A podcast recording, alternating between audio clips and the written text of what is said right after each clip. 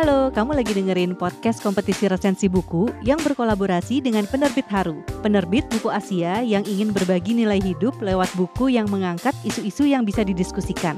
Kamu bisa temui penerbit Haru di Instagram @penerbitharu. Kompetisi podcast resensi buku ini juga berkolaborasi dengan penerbit baca, Sira Media, dan Goshen Suara Indonesia. Lalu didukung oleh Podcast Main Mata dan Potluck Podcast Kolektif. Di episode ini, kamu akan dengerin resensi dari teman-teman yang berpartisipasi di kompetisi. Selamat mendengarkan!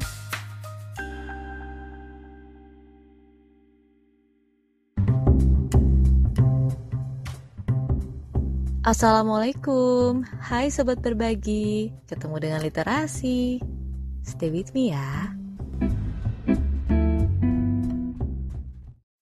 Sobat berbagi pernah nggak nyusun kata-kata indah terus kalimatnya jadi cantik, tapi pas kamu baca lagi, kalimat itu nggak ada maknanya.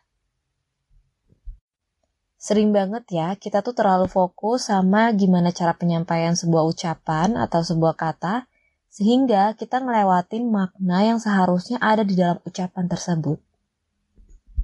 Mungkin karena saking seringnya kita pakai kata-kata, terus kita kayak ngeremehin gitu ya.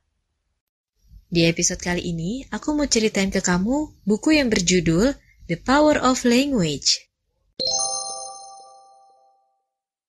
Ayo coba ditebak ya, ini karangan orang Asia atau orang Barat? Jawabannya adalah orang Asia, yaitu dari negeri Gingseng, Korea Selatan. Buku ini karya dari Shin Do Hyun dan Hyunaru Salah satu penulis ini merupakan ahli dari ilmu humaniora dan satunya lagi adalah guru yang mengajar bahasa Korea dan pelajaran menulis. Jadi ini yang bikin bukunya adalah mereka yang sangat dekat dengan literasi. That's why literasi milih buku ini. Selain tentang isinya nih, literasi kasih gambaran, kalau buku ini covernya sangat simpel, berwarna putih di background. Terus ada mangkok nih di sebelah kiri. Ini juga baru aku sadarin setelah merhatiin cover bukunya. Dan yang menarik lagi karena kan aku belinya nih online. Jadi aku hanya melihat dari cover depan aja. Cover depannya di bagian bawah ada tulisan kecakapan berbahasa dalam komunikasi melalui kisah klasik barat dan timur untuk menarik perhatian banyak orang. Kebayangkan isi bukunya ini tentang apa?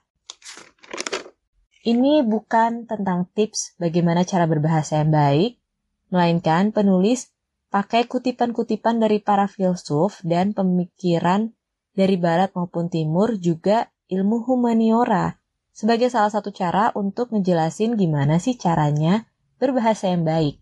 Jadi mereka ngejelasin bukan ngasih tips. Kita bisa berpikir sendiri, kita bisa ngajak diri kita diskusi ketika baca buku ini. Ngobrol gitulah sama diri kita. Di kata pengantar, aku baru tahu kalau buku ini terkenal di tahun 2020 dan kemungkinan besar diterbitin di Indonesia karena salah satu personil BTS yang disebut V itu di fotonya ketahuan lagi megang buku ini, nutupin mukanya gitu loh. Kamu bisa browsing deh. Kedua penulis ini sadar banget.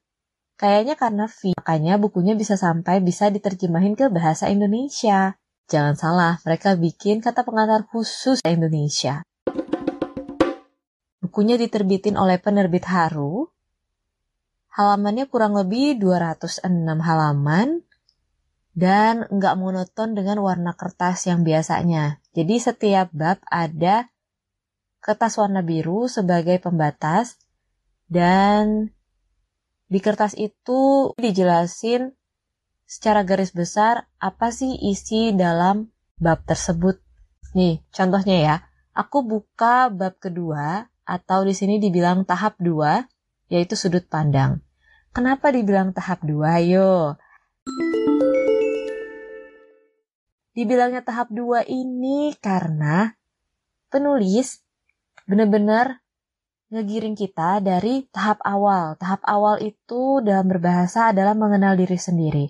Ketika kita udah tahu diri kita seperti apa, kita akan tahu kira-kira kalimat yang seperti apa yang akan keluar dari mulut kita. Dan kata-kata kita biasanya ada e, background atau latar belakang dari sudut pandang yang kita lihat. Dunia ini sifatnya objektif, tapi masing-masing orang melihat dari sudut pandangnya sehingga terkesan subjektif. Bukan terkesan sih, emang subjektif kan jatuhnya. Coba deh kamu ngelihat BTS mungkin untuk para ARMY itu kayak wah keren gitu ya. Tapi kalau buat aku BTS, BTS yang mana sih? Kayak gitu. Itu contoh salah satu sudut pandang ya. Ini kan buku non-fiksi ya. Biasanya nih kalau aku baca buku non-fiksi atau buku fiksi juga sih, ada hal-hal yang penting tuh suka aku tandain. Mau pakai pulpen, pensil, atau stabilo. Nah, kalau di buku ini, tanpa ditandain pun udah ditunjukin kalau kata-kata ini tuh atau kalimat ini tuh penting. Soalnya mereka kasih cetak tebal di setiap kata atau kalimat yang dirasa memang penting di paragraf itu atau isi dari topik yang lagi dibahas. Jadi buat kamu yang suka baca cepat, suka penasaran gitu ya, ini maksudnya apa, cepet-cepet aja gitu pengen dibaca, kamu bisa pilih buku ini sebagai salah satu bacaan kamu. Dan di setiap kutipan-kutipan yang dibahas ada biografi filsuf tersebut. Banyak sih yang aku juga nggak tahu, paling yang aku tahu siapa sih, Karl Marx, terus ada namanya Halil Gibran, terus ada juga Siddhartha Gautama, kalau mereka ini kan kita sering dengar. Nah, kalau yang lain nih kayak Lozi, terus Alan Badio, itu siapa gitu ya? Maksudnya kita nggak pernah dengar.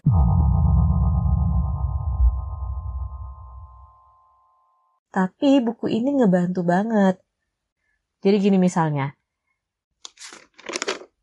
Aku ambil di halaman 53, itu subbabnya kebenaran tidak hanya satu, ada kutipan dari Alan Badio yang diambil untuk dibahas di bagian ini. Dan di kertas bagian bawah ini ada biografinya Alan Badio. Mulai dari lahirnya kapan atau masa hidupnya berapa lama, terus asalnya dari mana, apa aja yang dicapai sama Alan Badio. Begitu juga ke filsuf lainnya. Jadi mereka dibahasnya satu persatu. Penulis juga ngejelasin isi kutipan-kutipan dengan bahasa yang sederhana, sedang, bahkan sampai kesulit. Sebenarnya yang sulit itu karena menurutku aku nggak paham ceritanya. Sedangkan yang sangat mudah itu kayak, oh ya ini sering nih, ada di mana-mana sering terjadi di dunia kita.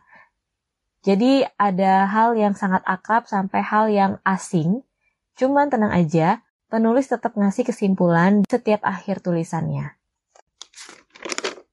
Oke, aku ambil kutipan di bab kelima atau tahap lima, yaitu menyimak. Biar cocok gini ya sama kamu yang lagi dengerin podcast ini. nah, di halaman 106 nih, ada yang dicetak tebal kayak yang tadi aku bilang, jadi kamu gampang ngeliat ini kalimat yang penting. Aku bacain ya. Cara ini pertama bisa membuat lawan bicara kita menyadari perasaan dalam dirinya yang selama ini bahkan enggak dia sadari. Ayo, cara apa coba? Caranya bisa kamu tahu kalau misalkan kamu baca buku ini. Selain itu juga, perlu diingat bahwa reaksi kita saat mendengarkan tidak boleh berubah menjadi nasihat atau anjuran. Gak semua orang ternyata yang lagi bercerita itu pengen dengar nasihat atau anjuran. Banyak dari kamu juga mungkin yang pas cerita pengennya cerita aja. Biar plong.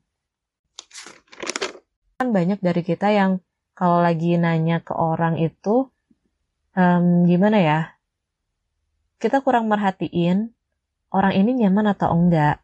Dan terkesan kita tuh kayak pengen banget dapet jawaban. Padahal setiap pertanyaan tuh kadang nggak ada jawabannya.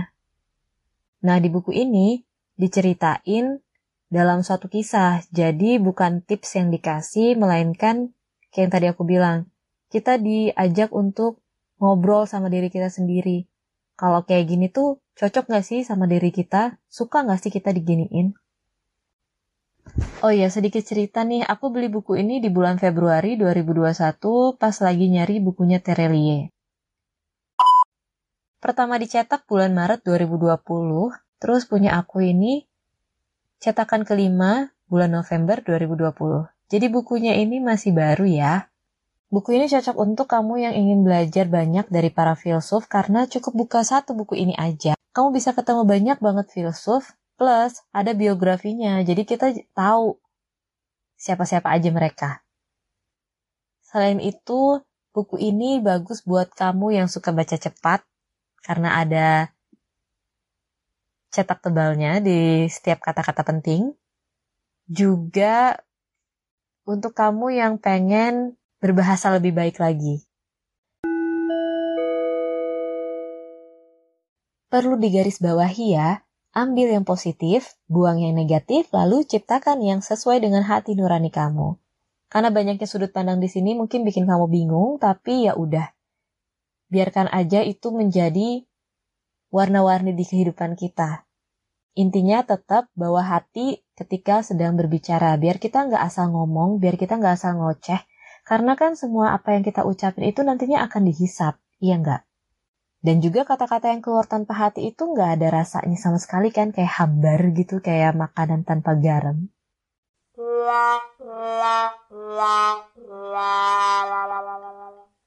Saran aku tetap pahami bahwa setiap orang punya objektivitas masing-masing tentang kehidupan. Gimana? Kira-kira udah ke hati belum?